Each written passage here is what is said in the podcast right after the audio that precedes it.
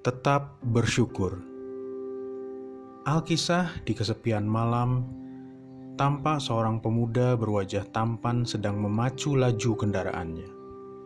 Karena kantuk dan lelah yang mendera, tiba-tiba ia kehilangan kesadarannya dan kubrak.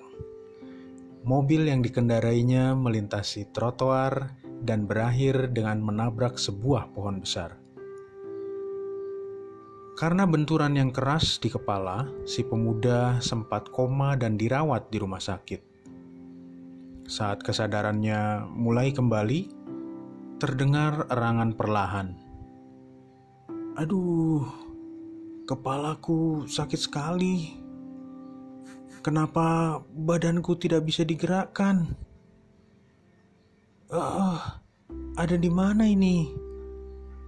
Nanar tampak bayangan bundanya sedang menangis, memegangi tangan dan memanggil-manggil namanya. Lewat beberapa hari setelah kesadarannya pulih kembali, ia baru tahu kalau mobil yang dikendarainya ringsek tidak karuan bentuknya.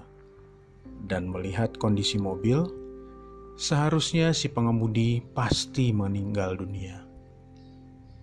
Ajaibnya, dia masih hidup Walaupun mengalami gegar otak lumayan parah, tulang paha yang patah menjadi enam dan memar di sana-sini. Hal ini membuatnya harus menjalani operasi dan proses terapi penyembuhan yang lama dan menyakitkan. Saat pamannya datang menjenguk, si pemuda menggerutu tidak puas pada kehidupannya. Dunia sungguh tidak adil, Sedari kecil aku sudah ditinggal oleh ayahku. Walaupun aku tidak pernah hidup berkekur berkekurangan, tetapi teman-temanku jauh lebih enak hidupnya. Gara-gara bunda membelikan mobil jelek, aku jadi celaka. Bahkan kini cacat pula wajah ini. Hah, sungguh sial hidupku. Pamannya yang kenal si pemuda sedari kecil menegur keras. Anak muda, wajahmu rupawan tetapi jiwamu ternyata tidak. Bundamu bekerja keras selama ini hingga hidupmu berkecukupan. Lihatlah sekelilingmu. Begitu banyak orang yang tidak seberuntung kamu.